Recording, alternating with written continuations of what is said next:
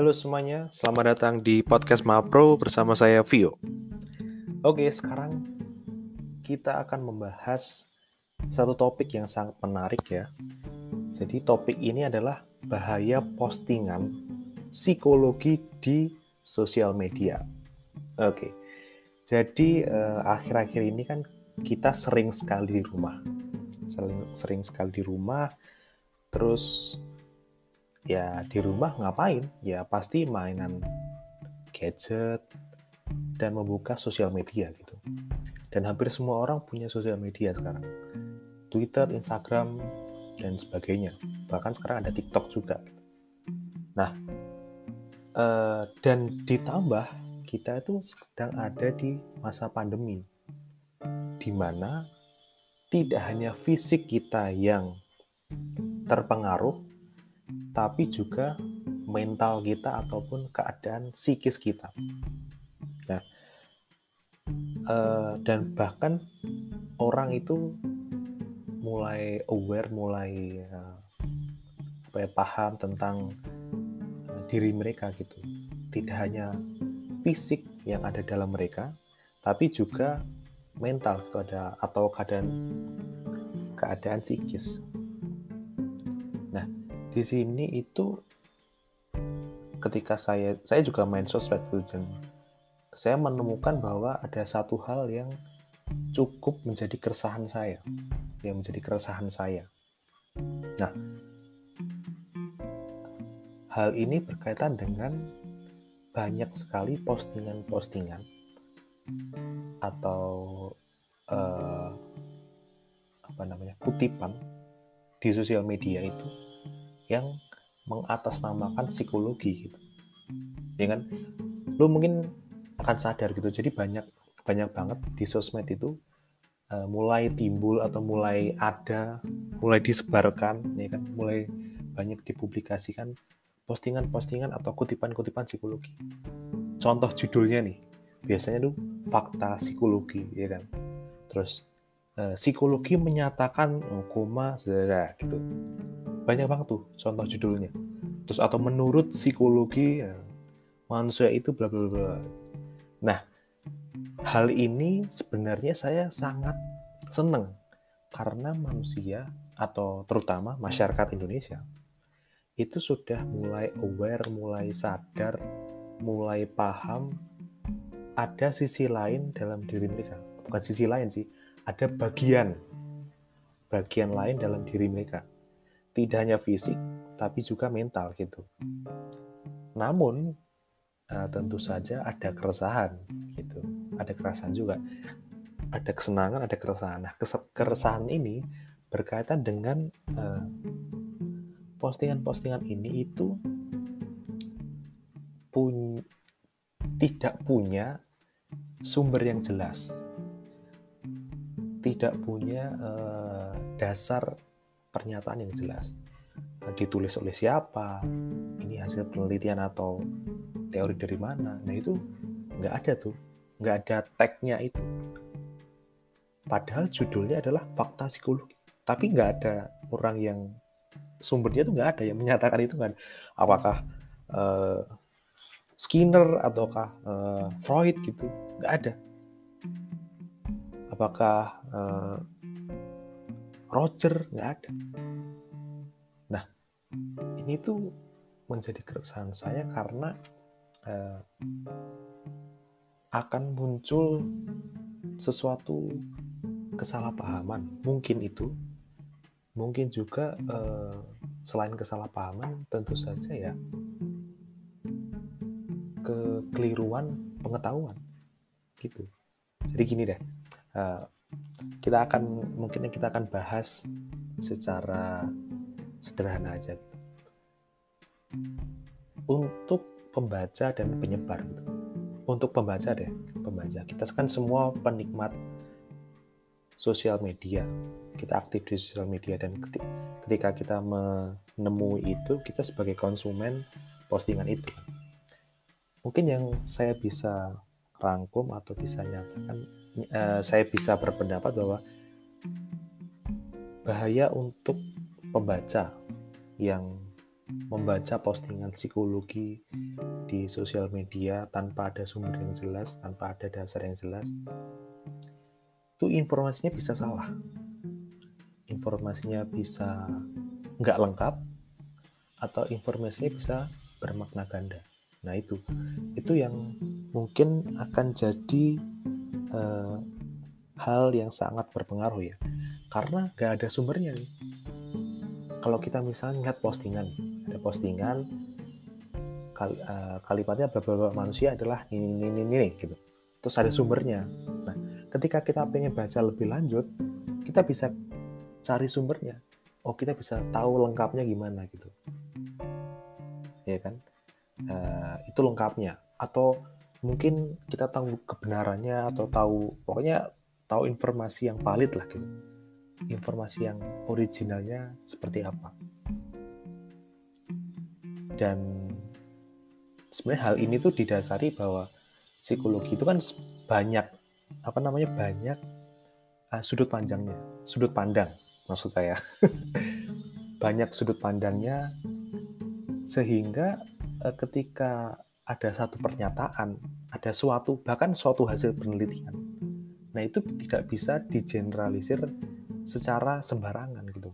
Jadi takutnya nih informasinya biasanya dari sudut pandang uh, behavior gitu. Tapi kan kita sudah sampai sekarang psikologi sudah punya sudut, banyak sudut pandang gitu. Ada psikoanalisa, ada humanistik, ada berbagai hal, eh, berbagai sudut pandang lainnya gitu. Nah takutnya orang hanya menangkap eh, satu sudut pandang aja dan itu sudut pandangnya dipegang, yang lain eh, tidak diterima gitu. Takutnya seperti itu. Makanya ketika dikasih sumber, dikasih eh, nama, tahun, ya kalau bisa sih ya. Websitenya gitu. Kayak nunggu skripsi waduh sulit sekali. Pokoknya kalau kalau ada sumbernya lah. Kalau ada sumbernya bisa dicek gitu. Kita bisa baca lengkapnya. Kita bisa tambah referensi dari situ ya kan? Nah itu mungkin eh, kecenderungan atau potensi yang berbahaya bagi pembaca yang pertama. Terus yang kedua nih ini juga ini jujur saya juga mengalami, yaitu tersugesti dengan komentar-komentar yang ada di postingan tersebut. Misalnya postingannya manusia akan lebih bahagia ketika uh, apa ya banyak harta misalnya. Uh, iya sih itu jelas sih. Tapi tapi kan itu contohnya aja so. Kita kita anggap itu contohnya gitu, contoh yang fiksi gitu. Itu komentarnya, wah iya iya betul, saya juga mengalami, wah betul sekali, 100% uh, eh, paham gitu, 100% ini gue banget loh. Nah, hal-hal tersebut itu menurut saya akan membuat kita tersugesti untuk entah untuk mengiyakan tanpa tahu uh, originalnya gimana, tanpa tahu keadaan kitanya gimana, kan setiap orang keadaannya beda gitu. Ataupun ya ketika tidak setuju ya sangat menolak gitu sangat tidak setuju. Nah ini juga ketika ngelihat postingan gitu kan kebanyakan sih kebanyakan nih eh, repost repost kan repost repost repost gitu. Sehingga kita banyak terpapar fakta itu. Pada padahal fakta itu ya belum tentu benar. Orang sumbernya aja nggak ada ya kan? Kalau ada sumbernya kita bisa cek gampang lah. Kita bisa tambah referensi seperti yang saya ungkapkan tadi kan? Kita bisa tambah referensi kita bisa uh, memahami bahwa oh ini suatu ini tuh penelitian yang mengambil uh, dasar psikologi perilaku gitu.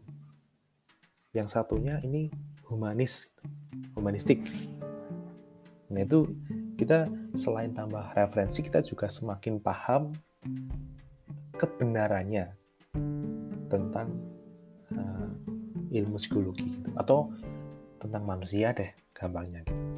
Karena kan psikologi mempelajari manusia gitu, mental dan perilaku. Nah, yang tadi saya sebutkan itu mungkin akan lebih cenderung uh, resiko yang diterima oleh pembaca. Nah, untuk yang penyebar nih, ini untuk yang penyebar atau untuk yang uh, suka-suka suka-suka ngapain suka-suka yang suka repost nah cukup berbahaya karena ketika tidak ada kejelasan informasi, informasinya setengah-setengah, tidak ada sumber lagi. Nah, kalian tuh punya resiko untuk jadi penyebar hoax loh. Iya, kalian tuh punya resiko untuk jadi pelaku penyebar hoax